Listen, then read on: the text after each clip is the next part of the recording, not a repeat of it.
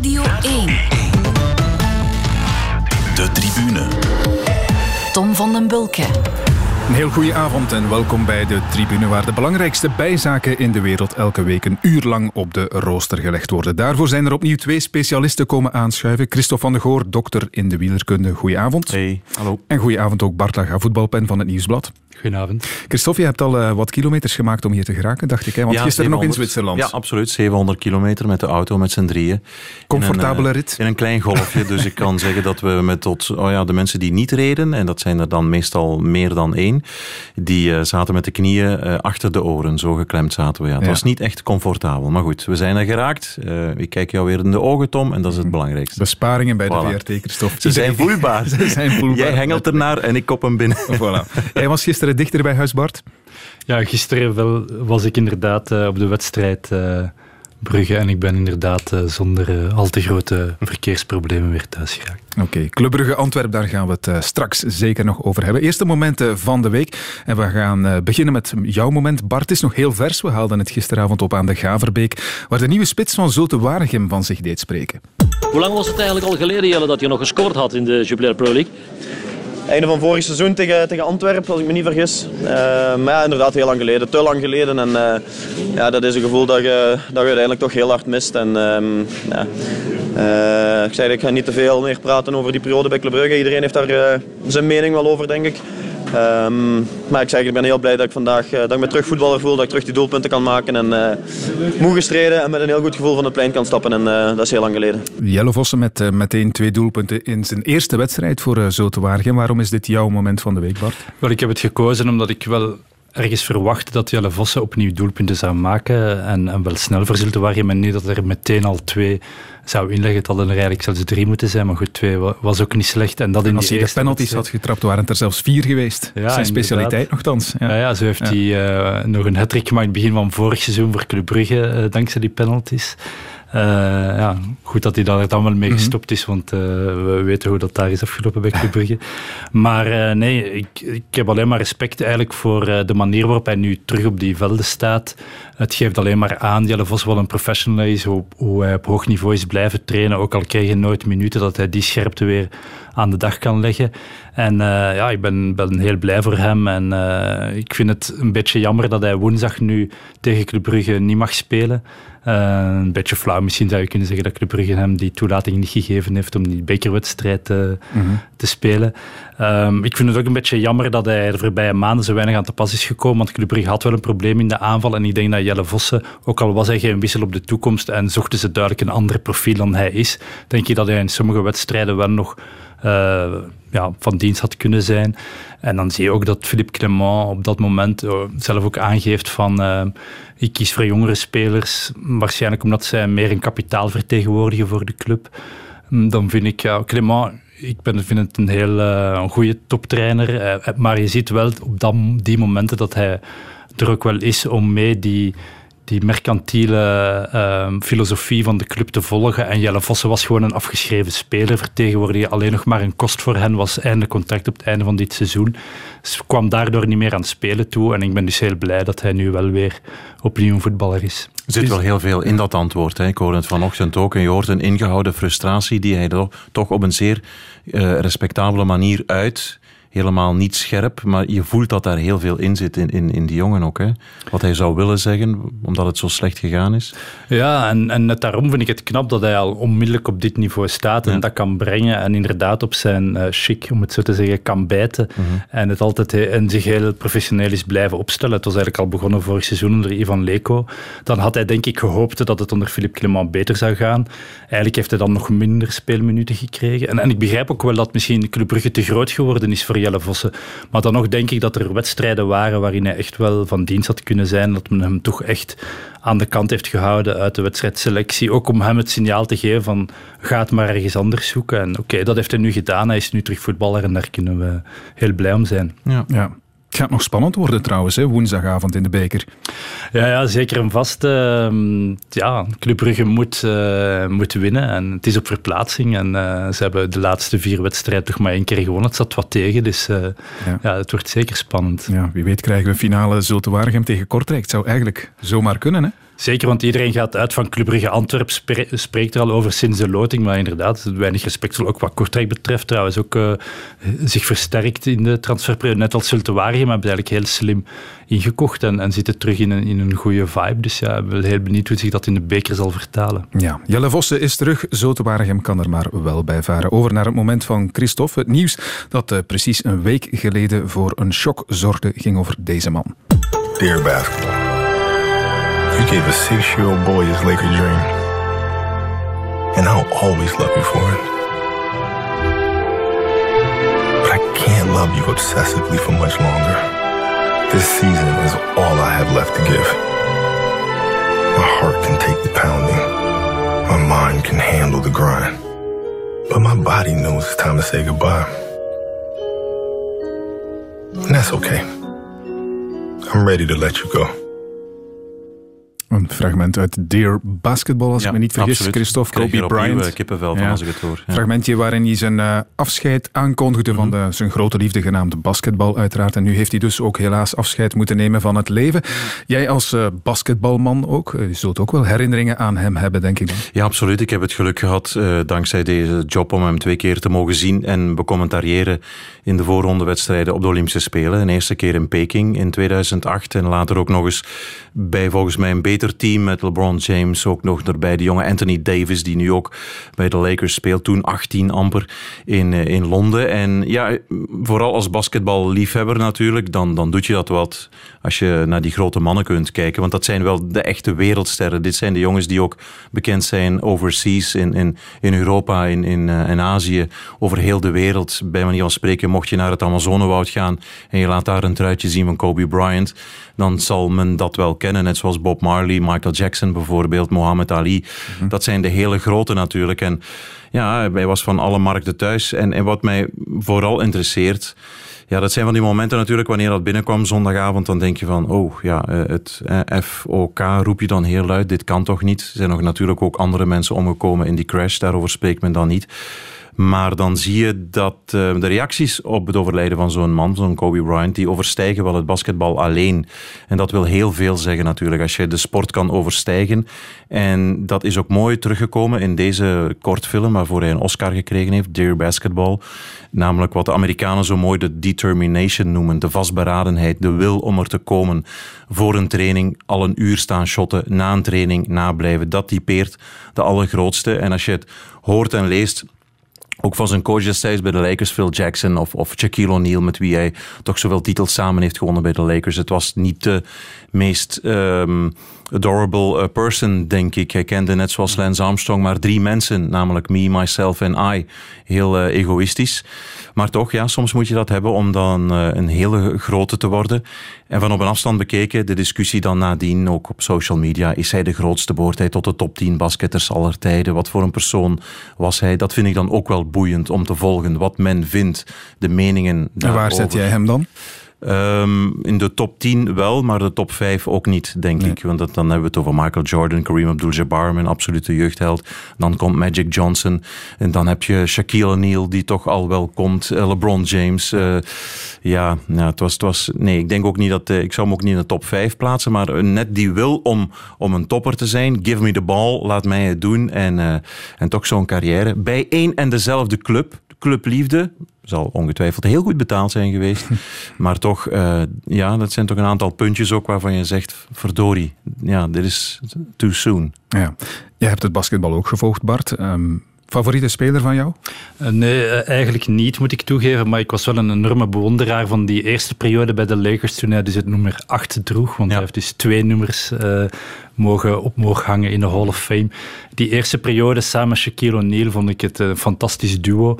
Um, ik had het meer voor de Shaq. Uh, ja, ik weet niet waarom. Die, ja, dat was zo'n reus onder de ring. En, maar dan inderdaad... Uh, de, ze waren perfect complementair. En ik ben het eens met Christophe. Hij was niet echt uh, likable, zo, zo, zoals ja. je het zegt. Hij was wel een egoïstische speler. Maar goed, ik denk dat dat ook wel een kenmerk uh, van de grote is. Ja, hij kreeg ook dat respect wel van de grote. Hè? Nu de voorbije week. Ik zag uh, Neymar opwarmen in een truitje met nummer ja, 24. En je zag ook en je hoorde ook Novak Djokovic met woorden van lof voor hem? Zeker. Ehm, je, zag het in de ronde van San Juan, waar mensen truitjes aan hadden met het nummer 8 en 24. Dus haken, ik heb die twee ook als uh, liefhebber thuis in de kast liggen. Dat, dat, dat is bijna een verplichting. Maar ja, dat, dat bedoel ik ook met het overstijgen van. Uh, en wat ik nog het meest indrukwekkend vond, was de speech van LeBron James voor hun eerste thuismatch in het Staples Center.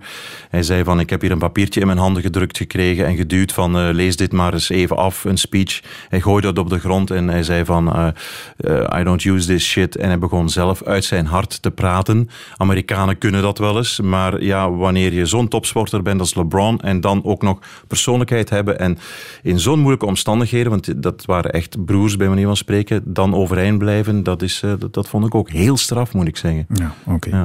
Van een wereldverdette als uh, Kobe Bryant gaan we naar een iets minder mondiale sport. Veldrijden. Jawel. Hem al komen. De tribune. Er zijn de voorbije week talloze pagina's volgeschreven, ontelbare interviews geweest. Er was een extra tv-uitzending vooraf, maar op de dag van de waarheid was er wel geteld vijf minuten spanning. Daar komt hij de laatste rechte lijn in. Hij ging als eerste weg en heeft een onwaarschijnlijk grote prestatie neergezet. Pluto heeft een uitzonderlijke gezant gezonden en die heeft alle Belgen naar de maan geschoten. Mathieu van der Poel is wereldkampioen 2020. Ik, uh, ik voel het een beetje komen de voorbije weken wel. Ik denk dat iedereen heeft gezien. Het was, zoals ik net ook zei, het was niet om uh, angst in te boezen bij de tegenstand of zo. Maar ja, ik voelde gewoon dat ik, uh, dat ik beter en beter was aan het worden. En um, ja, dat vertaalt zich vandaag denk ik in mijn beste cross van het seizoen. 2K veldrijden zoals verwacht gewonnen door Mathieu van der Poel. Maar Christophe, was niet zomaar winnen, het was vernederen. Ja, absoluut. En uh, hij zei het ook achteraf. Misschien was zijn beste dag ooit op een crossfiets. Ja, als je dat dan erbij neemt, met, samen met zijn DNA dat hij heeft, zijn fenomeengehalte, zijn pure klasse, ja, dan, uh, dan is het heel makkelijk rond natuurlijk. En dat was gisteren ook zo. Ja. Je zag het ook gewoon aan zijn woeste blik in zijn gezicht, die kopstart die hij neemt. En het was heel duidelijk van ik laat hier niemand uh, gewoon aan mijn achterwiel komen. Ik laat ze allemaal een poepie ruiken en dat heeft hij gedaan. Ja, we wisten natuurlijk, enfin, je weet het nooit zeker, maar iedereen ging ervan uit dat hij ging winnen. Maar dan nog was het kijken naar hoe de Belgen het zouden doen. Daar ja. moeten we het toch ook eens over hebben. Dit zei de bondscoach achteraf. Als ik een balans opmaak in totaliteit, is het misschien voor ons wel net niet goed genoeg. Je moet daar redelijk in zijn. Ik had zes, uh, zes medailles vooropgesteld. Het zijn er vijf geworden. Uh, wat dat vooral voor mij heel belangrijk is, is dat we nog altijd bij de junioren meedoen. Omdat dat toch nog altijd een beetje de toekomst is. En, uh, en ook de jongens waar ik eigenlijk het meeste mee werk. Nu de Geren Elite, ik vind dat eigenlijk op zich een fantastisch podium. Nederlander, iemand uit Groot-Brittannië, een Belg. Dat, is, dat oogt wel heel mooi, uh, maar in principe moeten we daar altijd twee medailles pakken. Uh, en bij de belofte komen we voor het ogenblik tekort. Als je mij vraagt, was het geen goed WK voor de Belgen? Laat ons misschien eerst uh, spreken over de elite bij de mannen. Ja, um, ja wat is jouw gevoel daarbij? Want uiteindelijk, oké, okay, het, het, het, was wel pijnlijk de marine waarop natuurlijk, omdat ze dan ook nog eens geklopt worden door Pitcock voor de mm -hmm. tweede plaats we hadden er toch echt wel meer van verwacht, denk ik. Ja, misschien ga ik je verbazen met, met uh, deze mening, maar ik vind het eigenlijk dat bijna iedereen op zijn plaats is geëindigd. Mm -hmm. Als je het zo bekijkt. Van der Poel valt niks tegen te doen. Dan ga ik naar Toon Aerts, die is derde. Ja, had tweede misschien kunnen worden, maar goed, dat is zijn plaats. Hè. Net na Van der Poel, tweede of derde. Wout van Aert, die jongen kon een paar maanden geleden nog niet stappen. Herinner de beelden met de krukken. Die is nu net vierde. Die heeft geen reden tot ontgoocheling, vind ik. Dat is, dat is geweldig. Laurens Week heeft zijn moment de gloire beleefd op het BK, dan weet je gewoon, zo toegeleefd naar dat Belgisch kampioenschap, om nog zo'n superdag te herhalen. Dat is bijna onmogelijk, ondenkbaar. Eindigt dan als vijfde. Michael van Toernout is uh, zesde, op zijn plaats zou ik zeggen. Tim Merlier vind ik een ontgoocheling. Had ik meer van verwacht. Ja, werd genoemd als outsider. Voilà, Finish dan op meer dan vier minuten. Zo is het, dat is echt wel een ontgoocheling. Quinten Hermans achtste. Ja, sorry, maar het is Quinten Hermans. Daar mogen we ook niet van verwachten dat hij tweede wordt. En Eli Iserbiet heeft gedaan in het begin van het seizoen wat de anderen niet hebben gekund, bij afwezigheid van Mathieu van der Poel winnen. Een aantal keer, zeven, acht keer heeft hij gedaan. Is neoprof. Mocht hij dan nu plots ook nog eens mee hebben gedaan voor die wereldtitel of zilver, dan zou men ook misschien vragen gesteld hebben van wow, dat is wel heel straf. En bovendien, en daar wil ik eigenlijk wel uh, het meeste nadruk op leggen, Tom, uh, bij die Pitcock wordt nu wel heel snel overheen gegaan wat voor een jongen dat dat is. Dat is een topper op de weg. Is ook nog maar een neoprof. Uh, ja, absoluut. Maar die heeft Parijs-Roubaix gewonnen bij de belofte. In de ronde van de toekomst uh, rijdt hij vierde, vijfde, wint de ronde van de Elzas mm bergop. Sorry, maar dat, dat kunnen de Michael van Toerenhouts en Iserbietjes ja. niet. Uh, die rijdt bij Wiggins voor een reden. Die wordt gevolgd door Team Sky, Ineos, voor een reden. Ik denk dat Tom Pitcock gaan we achteraf nog zeggen van dit wordt... ja, weet je nog, toen hij tweede was in, in Dubendorf, oei, dat was een van zijn minst goede uitslagen. Dat wordt een hele grote, denk ik. Dus dat was nu wel een teken gisteren. De manier waarop hij demareert en wegrijdt van de rest. Sorry, uh, niemand kon antwoorden. Maar zeg je, dan, zeg je dan dat het uh, Belgische veldrijden, als het bij de mannen, als het over de mannen gaat, en als het echt over de top gaat, nog altijd staat of valt met uh, Wout van Aert? Ja, zonder dat, ja, ja dat, is, dat is een tricky vraag natuurlijk ook. Want uh, Toon Aerts is ook een goede coureur. En die haalt volgens mij echt wel het maximaal uit zijn, uit zijn kunnen nu. En Iserbiet is nog maar neoprof. Die gaat nog een tweede en een derde seizoen krijgen. Maar het feit ook dat, dat uh, Pitcock de grootste concurrent was. En uh, van Iserbiet bij de belofte. En hem heel vaak versloeg wanneer puntje bij paaltje kwam. Ja, dat mogen we niet, uh, niet negeren, vind ik. Hè. Dat zijn ook uh, Van der Poel en Pitcock. De ene bij de profs, al de andere bij de belofte. zijn twee top wereldcoureurs op de weg. Pitcock stond op het podium en Yorkshire op de weg. Hè. Ja. Dus ja. Wout van Aert valt zeker niks te verwijten, inderdaad. En uh, opvallend, hij was dan nog het meest van al teleurgesteld. Wout van Aert, ik hoor dat je niet tevreden bent met jouw vierde plaats. Nee, toch niet. ja, ik denk dat ik de derde plaats er wel in zat. En... ik werd teruggeslagen door een lekke band in de voorlaatste ronde. En uh, ja, dat zorgt toch over teleurstelling. Dat tekent jou wel, hè? Dat je hier met ambitie stond. Ja, ik weet het. Uh, misschien gaan mensen dat nu ook stom vinden dat ik teleurgesteld ben. Als je het grote plaatje bekijkt, moet ik misschien tevreden zijn. Maar uh, het is mijn negende WK hier en ik ging mijn negende medaille hebben kunnen pakken. En misschien wel een van de mooiste medailles als je ziet van waar ik kom. Ja, van waar hij komt. Maar ondertussen geeft hij ook aan dat hij het eigenlijk al een beetje beu is om nu te moeten zeggen van ja, ik ben goed bezig, want ik kom van ver. Hij wil meer. Ja, dat is de topsporter in hem. En ik begrijp zijn frustratie en ontgoocheling, omdat hij op dat ogenblik dat hij lek rijdt tot in het wiel van uh, Toon Aarts aan het komen was, nog een paar meter. Dus dan kan je inderdaad naar dat brons grijpen. En dan gezien zijn context, zijn geschiedenis, en dan al kunnen zeggen van, wow mannen, na, na juli sta ik hier alweer op het podium met een snede, uh, een litteken van 20 centimeter in mijn been. Chapeau, dat snap ik helemaal. Maar nogmaals, ik vind het al een half wonder en mirakel waar hij nu staat. En uh, hij gaat al kunnen meedoen op een vrij hoog niveau in dat voorjaar, normaal gezien.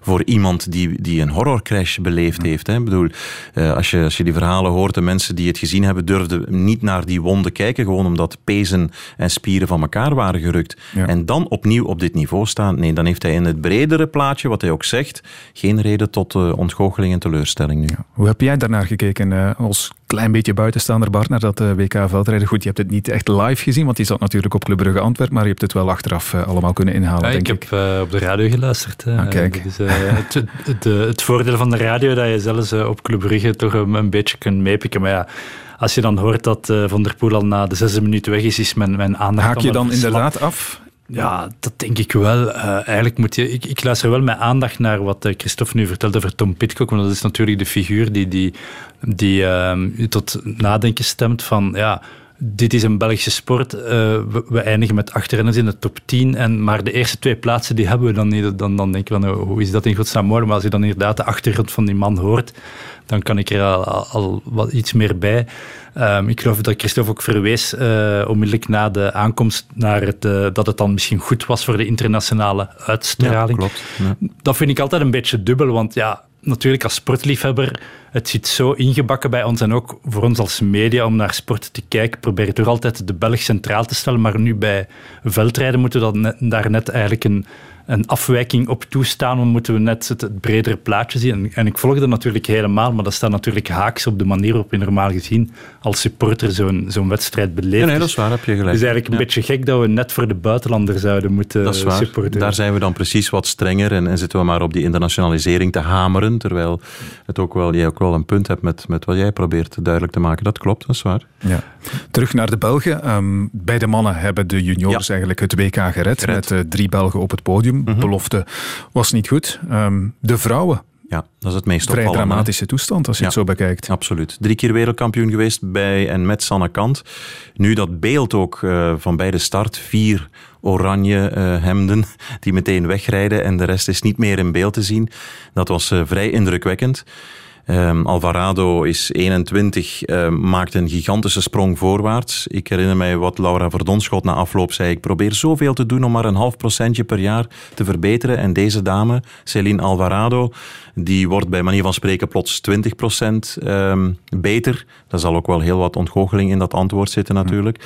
Maar het gekke is, en uh, het, paradoxale eigenlijk, dat heel veel, nee, dat bijna al die dames in Belgische teams rijden. Ja. En weet je dat uh, heel wat mensen die aan, aan de top staan van het Nederlandse veld rijden, in, in, in bondsfuncties, die komen vaak tegen onze mensen zeggen van nou, dankjewel voor de opleiding, voor, voor de begeleiding. Hè, want Annemarie Worst rijden we in het team van Bart Welles. Lucinda Brandt hebben we nu zelf gezien, krijgt heel veel technische les van, van uh, Sven Nijs, noem maar op. Alvarado, uh, ploegmaat van uh, Van der Poel en co. bij, bij de Roodhoofds, ook een Belgisch team. Dat is het paradox paradoxale van de situatie. Eens dat ze op een elite niveau komen, blijven ze gedijen binnen de Belgische teams. Je moet wel naar beneden gaan kijken. De opleiding, de cultuur van het Nederlandse fietsen, dat is veel breder. Um, ligt daar de verklaring? Nee, uiteraard niet. Ja. Maar het heeft wel met, met, met allerlei dingen te maken. Uh, in het grote sportcentrum in Nederland, in Papendal,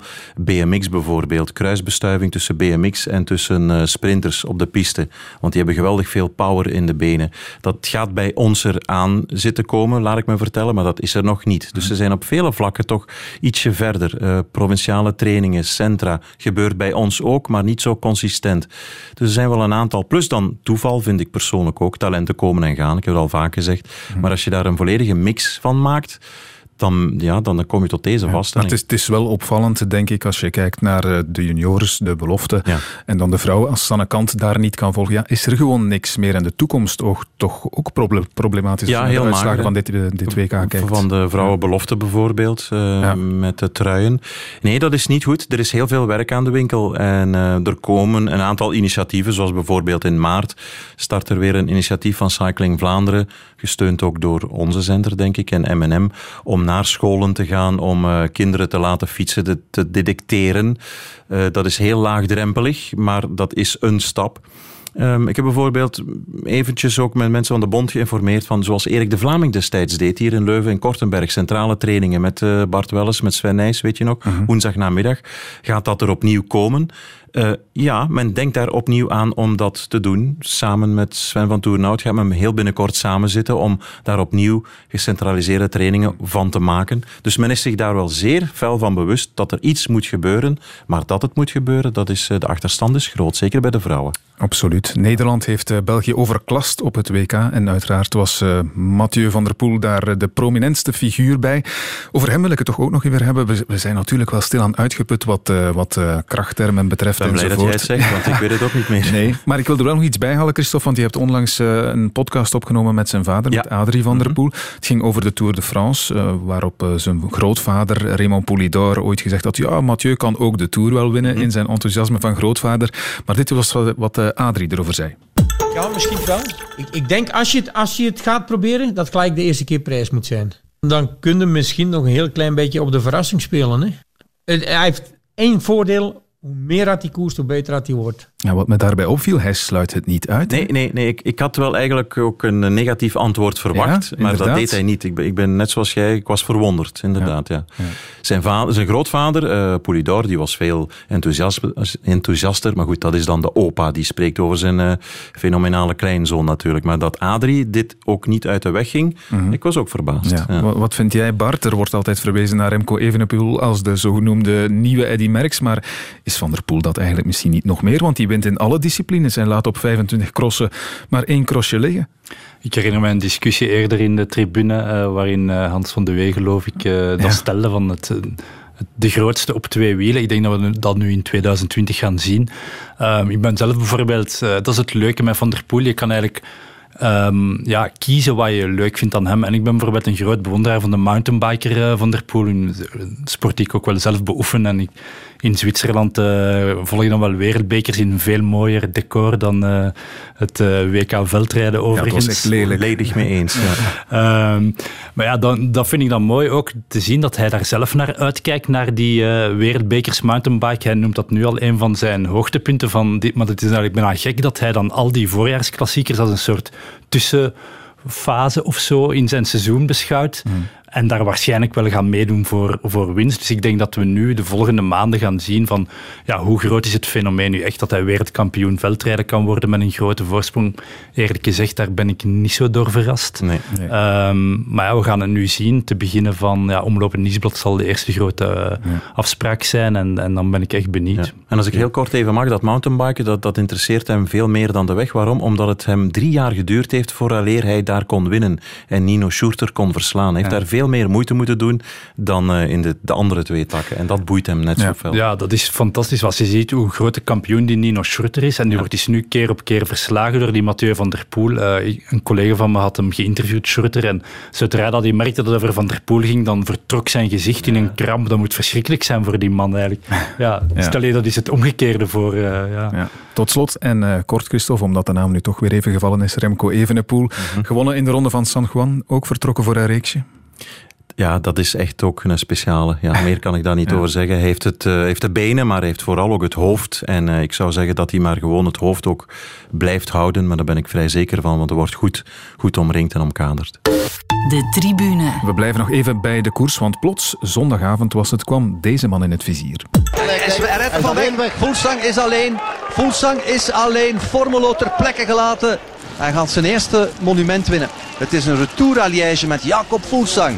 Jacob Voelsang was vorige week al derde in de Amstel Gold Race. Woensdag werd hij tweede in de Waalse pijl. En nu pakt hij eindelijk de hoofdprijs. Het gaat onder meer over Jacob Voelsang, winnaar van Luik Bastenaken Luik. Vorig jaar wordt door Scandinavische media gelinkt Christophe aan dopingdokter Michele Ferrari. Met hem eigenlijk de hele Astana-ploeg. Zijn dit onrustwekkende berichten? Zijn ze betrouwbaar? Het is wel al in het verleden gebleken wanneer uh, bijvoorbeeld Deense media zoals Politiken uh, achter dat soort dingen aangaan, dan is er heel vaak uh, stront aan de knikker. Maar goed, er zijn nog geen bewijzen. Hè. Dat is puntje één. er ligt blijkbaar wel een dossier op tafel van dat onafhankelijk antidoping-instituut, dat een aantal jaar geleden is opgericht. Fulsang heeft tot nu toe nog niet willen reageren.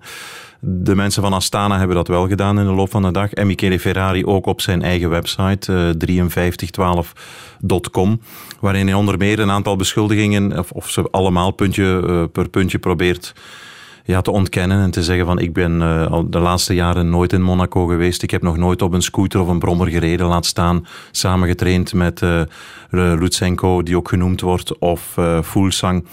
Dus ja, op dit ogenblik, uh, as far as we know, is het een, een wel eens niet een spelletje. Ja. Het enige dat je kan zeggen, maar dat is ook geen bewijs. Uh, ik heb vorig jaar ook een aantal keer gedacht, ja, Fulsang, heel goede coureur. Uh, was vaak een man van net niet winnen. Dat was zeer moeilijk voor hem. En plots wint hij dan Luik Basnaken-Luik. Uh, voor een tweede keer Dauphiné. Scoort hij in, in alle klassiekers, in de heuvelklassiekers. Is dat een bewijs? Nee, natuurlijk niet. Uh, maar soms ga je dan de klok terugdraaien. Ja, het is alweer een moeilijk, moeilijke zaak. Ja, zonder bewijzen is het inderdaad Zo is het, ja. moeilijk om iets te zeggen. Astana heeft natuurlijk wel een, een bepaalde reputatie. reputatie. Het helpt ook niet dat Vino Kurov daar nog altijd de manager is.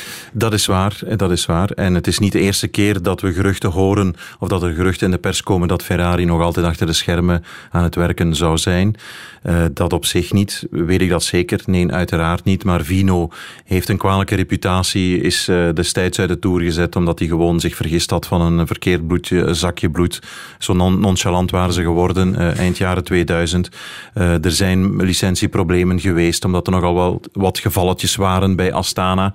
Dus um, ze, zijn de ze zijn nooit de, de, de braafste of de liefste van de klas geweest natuurlijk. Hè. Dat ja. is wel, donkere wolken hebben zich vaak boven dat team uh, samengepakt. Dan heb je al een schijn van uh, negativiteit tegen.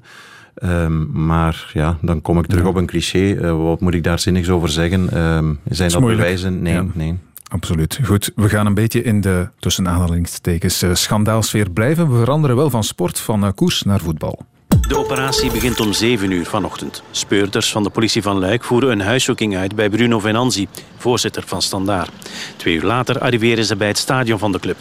De huiszoekingen maken deel uit van een onderzoek naar deze man, Christophe Enrotet, de makelaar van onder andere Rode Duivels Thibaut Courtois en Yannick Carrasco. De speurders zijn op zoek naar bewijzen voor eventueel gesjoemel bij een aantal transfers die Enrotet gedaan heeft voor Standaard, met name die van deze Christian Luyindama, Sambuya Tabaré en ook Colin Sfai. Huiszoekingen bij Standaard en uh, voorzitter Bruno Venanzi vorige woensdag. Gelukkig hebben we een uh, specialist in huis als het over dat soort dingen gaat, uh, Bart Laga. Wat is daar aan de hand? Wel, eigenlijk ligt het een beetje in de lijn van de verwachting van het onderzoek rond Henrotet, dat men vroeg of laat ook bij Bruno Venanzi ging gaan aankloppen, want algemeen wordt aangenomen dat Bruno Venanzi, dus de voorzitter van Standaard, in het voetbal is gestapt dankzij Henrotet. Uh, het waren vrienden. Hè, van, Venanzi was eigenlijk eigenaar van een groen energiebedrijf, Lampiris in Luik. En uh, men neemt aan dat Henrotet eigenlijk Venanzi heeft gestimuleerd om in het voetbal te stappen, om eerst ondervoorzitter te worden van Standaard onder Du Châtelet, met de bedoeling dan op een bepaald moment de, Châtelet, de pardon, Standaard over te kopen van Du Châtelet. We kennen het verhaal dat de supporters uh, konden het niet meer vinden met uh, hun Vlaamse voorzitter. En dan heeft uiteindelijk Venanzi. En men heeft zich altijd afgevraagd met welk geld toch standaard kunnen kopen. Er zijn weinig details bekend geraakt over die verkoop, prijs enzovoort. Er zijn uh, bepaalde ver verdachtmakingen geweest hè, dat hij dat Henrotet bijvoorbeeld zou betaald hebben. Of, maar ik denk, ik weet niet of dat gebeurd is, wat ik denk ik wel wat je wel kan zeggen is dat er waarschijnlijk heel wat spelers van de stal van Horatij op die manier naar Standaard zijn gekomen. En de bekendste is misschien Daniel van Buiten, die dus zijn speler was, waarmee Horatij groot is geworden als makelaar. Mm -hmm. Internationaal dan. Die is dan bij Standaard ook uh, technisch directeur geworden. Ondertussen zijn beiden niet meer de beste vrienden. Ze hebben wel ja, wat problemen gehad, onder andere uh, ruzie gehad liever uh, bij de verkoop van Belfodil aan Everton. Dat moest vandaag dan veel geld opbrengen, dat is dan niet gelukt. Daar is het een beetje op spaak gelopen. Maar er zijn dus heel veel dossiers waarin beide hebben samengewerkt in die periode. Dus op het ogenblik dat men transfers van Horotet gaat onderzoeken, is het eigenlijk ook wel logisch dat men eens bij Standaard gaat kijken. Overigens, in dit onderzoek heeft men ook al, onderzoeken, uh, heeft men ook al huiszoeking gedaan bij Anderlecht, omdat Van Olsbeek ook geleerd is aan uh, in dat onderzoek mm. bij de Belgische Bond. Dus ja, vroeg of laat moesten we ook eens in Luik uh, voor de deur staan. Ja, makelaars momenteel in een, in een, heel slecht daglicht in het voetbal. Christophe, maak eens de vergelijking misschien met mm. wielrennen. Daar heb je ook makelaars natuurlijk. Hoe zit dat daar? Ja, daar is één heel groot verschil. Er zijn geen transfergelden in de koers. Dus uh, daar kan al veel minder geld worden gepakt door uh, makelaars.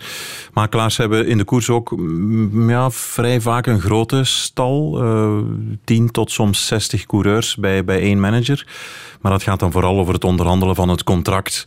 Um, bij, bij nieuwe teams. En uh, dat zijn de traditionele tarieven, laat ik me vertellen, 5 à 6 procent op dat, uh, op dat loon. Mm. Maar uh, ja, op uh, commissies pakken, zoals ik ook, ook las met Tielemans achter de rug naar Monaco, gigantisch veel geld pakken, dat, dat kan in de koers niet. En daarom ook dat heel veel, heel veel, nou ja, meer coureurs de laatste jaren proberen ook zelf gewoon de onderhandelingen te doen met, met managers van ja. teams, met ploegen. Bart, ik las vandaag nog ergens in een artikel van een tijdje geleden, van september dacht ik, dat bij Enrotijn een, bij een huiszoeking in september dus bij hem in Monaco, dat daar 7 miljoen euro in beslag genomen was. En twee vroeg, sportauto's. Ja, ja. En ik, ik, vroeg me af, gaat dat dan over cash? Dat kan toch bijna niet?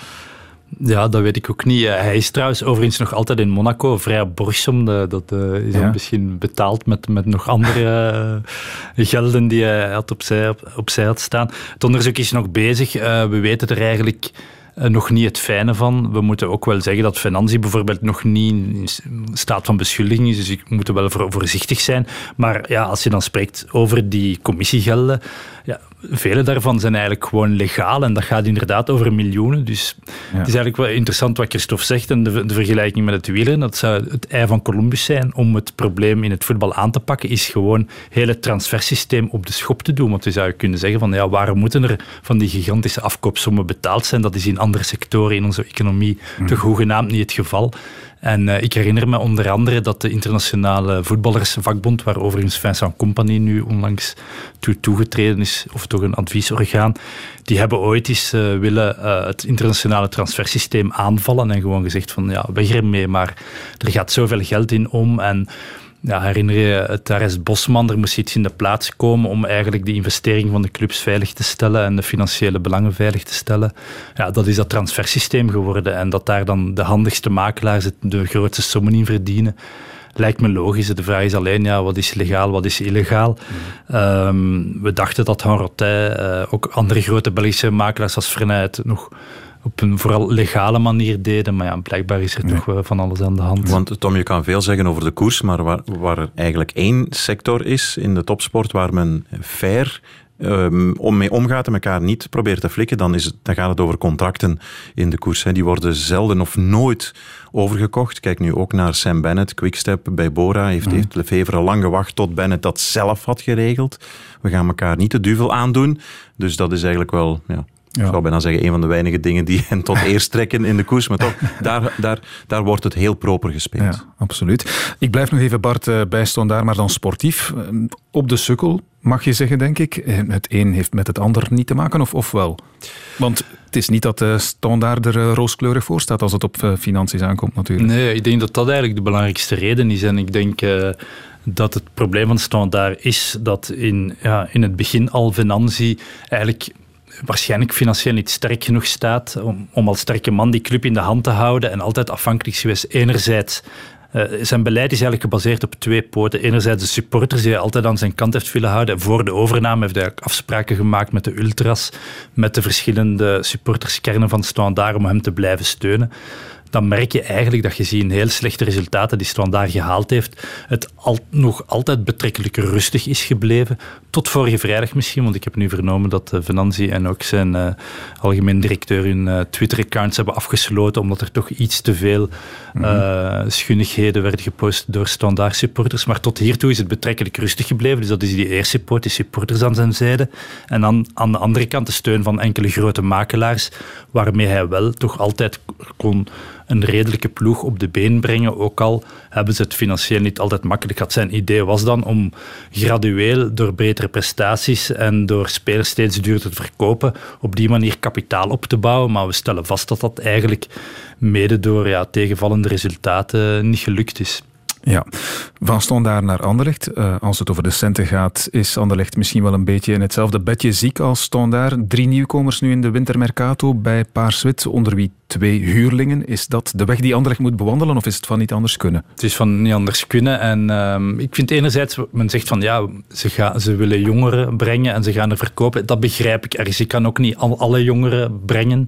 Je moet er af en toe een verkopen. Dat, ja, elke ploeg moet, moet goede spelers verkopen. Dat doen Club Brugge, Agent, Racing Genk doen dat ook. Het verschil is dat Anderlecht, ja, als ze zich dan gaan moeten versterken, moeten ze eigenlijk al tevreden zijn met uh, ja, de bodem van de markt, de kruimels die op het einde overblijven. Je kan het vergelijken met een, een feestje of een fuif dat uh, dan uh, s'avonds gaan de lichten aan en dan weer dan nog op de dansvloer staat. Daar moet je het dan mee stellen.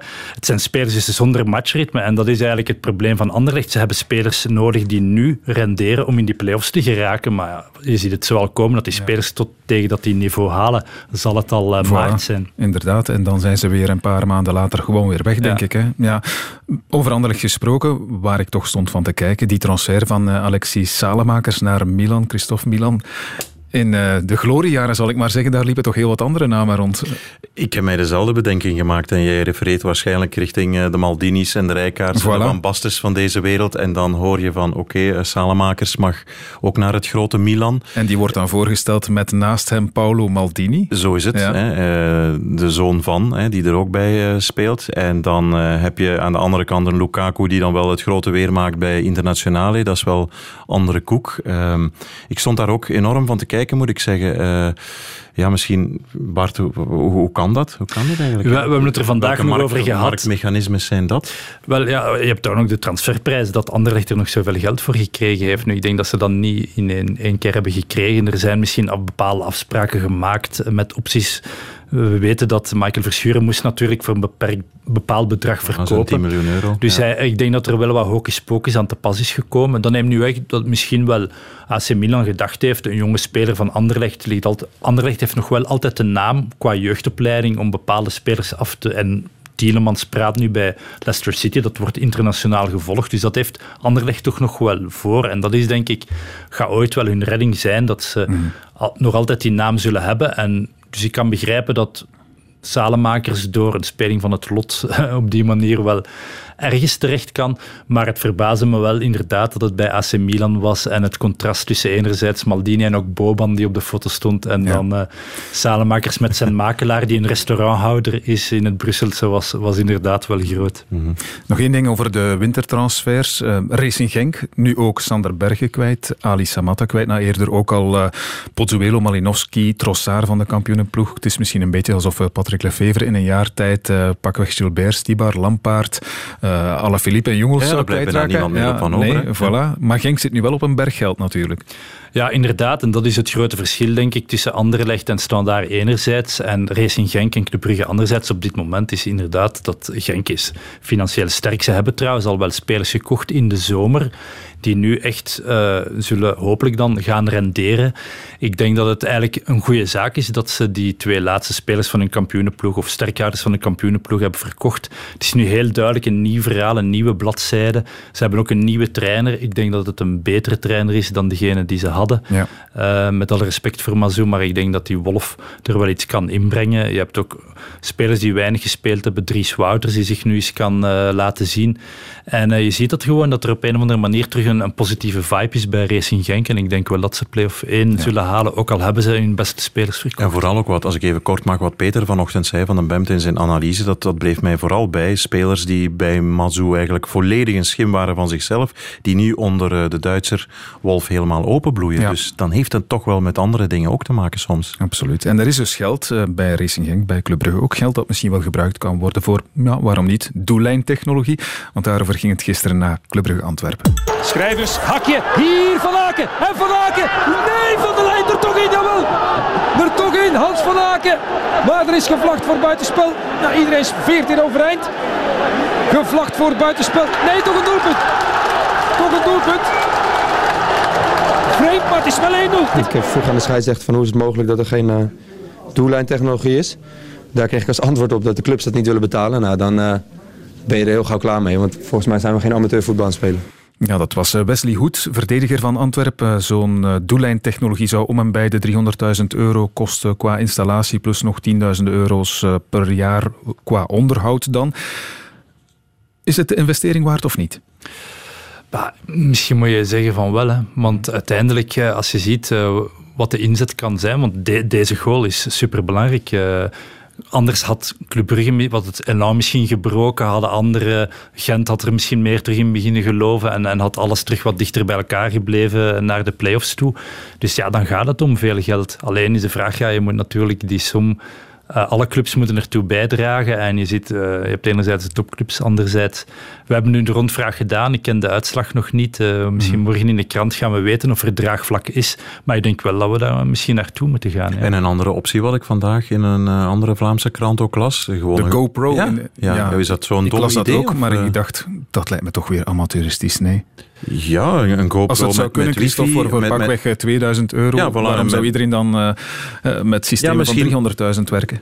Ja, ik weet het niet, maar als je de bal niet tegen de lat trapt, eh, dat is toch vaak niet de bedoeling, dan gaat zo'n Go- GoPro toch ook niet trillen en dan lijkt mij dat beeld toch vrij stabiel te zijn en met een wifi-verbinding tot in het gaat natuurlijk vaak over, over misschien maar 1 centimeter, terwijl met die doellijntechnologie kun je echt Ja, op inderdaad. de centimeter tennis bepalen. Ik weet het, ik weet het. Voilà. Maar dan kan ik ook alleen voetbal. Peter van den Bem zijn mening maar bij het reden vanochtend. Als men zoveel geld altijd veil heeft voor een derde rangs eh, buitenlander die dan nog eens geblesseerd blijkt te zijn, waarom dan geen 400.000 euro, 300 plus onderhoud voor zoiets belangrijks, zoals Bart terecht zegt. Zo'n goal, als het 0-0 blijft, kan dat een heel andere licht werpen op de competitie en het verloop. Ja, wat we wel met het gewone blote oog konden zien, de nieuwe spits van Club Brugge meteen een helft mogen meedoen. Wat vond je ervan? Ja, dat is dan het verschil met Anderlecht. Je ziet dat de jongen wel ma- matchritme heeft. Ik denk dat hij natuurlijk nog niet het- zijn beste niveau heeft laten zien. Eén mooie actie hebben we van hem gezien. Snelheid, doelgerichtheid. Kracht. Uh, hij is niet de meest fanzinnige speler, maar goed, ik denk wel dat hij staat voor een sweat no glory. En dat, is, uh, dat komt van zijn voorganger, een Baye okay. Diagne, toch niet gezegd worden. De tribune. Voetbal en veldrijden was er bij overvloed, maar er was ook het eerste Grand Slam toernooi in het tennis. Drie pertinente vragen daarover voor Dirk Gerlo. Te beginnen met Novak Djokovic. Waarom is hij opnieuw de onbetwiste nummer 1? Ik zou zeggen, zijn onwaarschijnlijke, zijn ongeëvenaarde onverzettelijkheid, die maakt het verschil. Op de momenten dat anderen afhaken, haakt Djokovic niet af. En ik zou veel voorbeelden kunnen geven, maar laten we het houden op drie Grand Slam-titels die me bijblijven. Even teruggaan naar 2012, de langste finale ooit op de Australian Open, net geen zes uur tegen Rafael Nadal. We zitten bij een 2-2 in de sets, vijfde set dan. Rafael Nadal die 4-2 voorstaat en toch slaagt Djokovic er nog in om het tij te keren. Wimbledon vorig jaar, de finale tegen Roger Federer. Federer in de vijfde set 8-7 en 40-15 voorsprong. Twee matchpunten. Dat is het water net niet aan de lippen. Nee, dat is eh, water in de neusgaten. Hij staat klaar om te verdrinken, Djokovic. En toch slaagt hij er daar nog in om de situatie te keren. Dus 2012 tegen Nadal, 2019 tegen Federer. En gisteren zag ik het nog slechter in voor hem. Zelfs zonder die matchpunten tegen. Het team die speelde zo fantastisch. Hij gebruikte de wapens van de Servier. Hij voegde daar zijn eigen lef aan toe. En toch begeeft Djokovic niet. Op het moment dat hij enige aarzeling ziet bij de tegenstander, dan vindt hij de kracht, de fysieke kracht, de mentale kracht om toe te slaan. En opvallend gisteren, na afloop, Djokovic, die het nog eens had over zijn moeilijke jeugd in Servië in de jaren 90 van de vorige eeuw, de oorlog daar, en dat we daar het fundament van zijn succes moeten gaan zoeken. Wat zei Djokovic? We moesten in de rij gaan staan voor alles. Voor brood, voor melk, voor water. En zoiets maakt je hongerig, maakt je gretig naar succes. Ik denk dat ik daar de basis voor mijn succes heb gelegd. Daaraan denken, dat motiveert me om de extra kracht te vinden om door te gaan. En ik kan daar echt wel inkomen, die over mijn lijkmentaliteit die hij heeft meegekregen vanuit zijn jeugd al. Ja, vraag is natuurlijk wel, Dirk, het is weer een van die traditionele drie, zeg maar, die wint. Wanneer gaat er nu eens een van die jongere toppers de band breken? Ja, goede vraag. Hè? Want je zit nog altijd met Djokovic, meer zelfs nog dan, denk ik, met Nadal en Federer. Nu, Nadal die kan zeker nog eens Roland Garros winnen, maar Djokovic kan dat ook. Die kan ook straks de beste zijn op Wimbledon en in New York. Maar ik vind wel dat de challengers stappen hebben gezet de voorbije maanden. Meest van al misschien Dominic Thiem, hij zegt dat zelf, nu al drie Grand Slam finales voor de Oostenrijker. En een Nadal, een Djokovic, die drijven hem ertoe om echt nog een hoger niveau te halen. En dat gedurende vijf sets. Dat was vroeger niet het geval. Hè. Vergeet dan ook niet, die Rus, Daniil Medvedev, vorig jaar finale op de US Open. Nadal wint wel, na een vijfsetter, maar dat was de great escape voor Rafael Nadal. En met iets meer ervaring wint Medvedev daar de Grand Slam. Je hebt een Alexander Zverev, de Duitser, die nu voor het eerst de halve finale bereikt heeft in Australië. Dat is voor hem een mentale opsteker. Je hebt nog de Griek Tsitsipas, de winnaar van de ATP Masters vorig jaar in Londen. Ik denk dat een van die vier mannen, een van die vier, die gaat dit jaar de band toch breken durf ik hopen. Want zowel Nadal, Djokovic als Federer die hebben de jongste paar seizoenen toch ook meer en meer het gewicht van de jaren op hun lichaam gevoeld. En het zou ook niet slecht zijn voor de sport dat er een nieuwe naam komt. Vergeet ook niet, na Vavrinka op de US Open 2016 zijn alle Grand Slam titels naar de grote drie gegaan. Met andere woorden, een nieuwe naam is welkom. Ja, en over nieuwe namen gesproken, Dirk. Uh, bij de vrouwen, Sofia Kenin, als ik dat goed uitspreek. Ik geef toe, ik ken haar eigenlijk helemaal niet. Wie is zij? Ja, ik neem het jou niet kwalijk hoor, eh, want je moet de tennis al echt goed volgen om haar te kennen. Nu het verhaal, Russische ouders die er alles voor over hebben gehad om van hun dochter een tennisster te maken. We hebben dat eerder nog gezien hè, bij Maria Sharapova, nu met Anisimova, ook een Russin, maar Amerikaanse nationaliteit en zeker ook Kenin prima opleiding gekregen in Amerika. Fenomenale oog-handcoördinatie met fantastisch talent, geweldig recuperatievermogen, reactievermogen. Neemt de bal heel, heel snel. Geweldig tactisch inzicht gekoppeld aan een ongewone, ongeziene dosis lef, ook op de meest moeilijke momenten. Vorig jaar drie toernooien gewonnen. Roland Garros, daar verslaat ze Serena Williams. En nu dus Australian Open gewonnen. Zeven in de wereld staat ze al. Ze is 21 jaar. Het enige voorbehoud dat ik heb is, gaat ze het volhouden op dit niveau? Want we hadden het daarnet over de grote drie bij de mannen die niet van wijken willen weten. Bij de vrouwen is dat echt helemaal anders. Ik heb het nog eens opgezocht. De jongste drie seizoenen hebben we elf verschillende Grand Slam winnaressen gehad. Focus blijven houden is blijkbaar heel, heel moeilijk bij de vrouwen. Maar in Kenin, Sofia Kenin, zie ik echt wel een blijvertje. Een naam om te onthouden dus, dat was Dirk Gerlo. We zijn bijna aan het einde van deze tribune. Rest mij nog de vragen waar jullie nog naar uitkijken deze week, Bart? Onder andere het Olympisch kwalificatietoernooi van de Belgian Cats basket in Oostende. Ja. En de meeste mannen keer eens in België aan het werk kunnen zien en hopelijk uh, de Spelen halen natuurlijk. Zal je ook wel boeien, Dit hebben we niet afgesproken, maar ik kon net hetzelfde zeggen. Ja. ja. Donderdag, zaterdag en zondagnamiddag op alle kanalen van Sporza te volgen. Okay. Ik hoop echt dat ze zich plaatsen voor Tokio. Zou heel mooi zijn eh, met de Belgian Cats naar uh, Tokio, absoluut, waar jij ook zal zijn trouwens. Dit was de tribune voor deze week. Wonderland komt eraan met Corneel de Klerk. Fijne avond nog.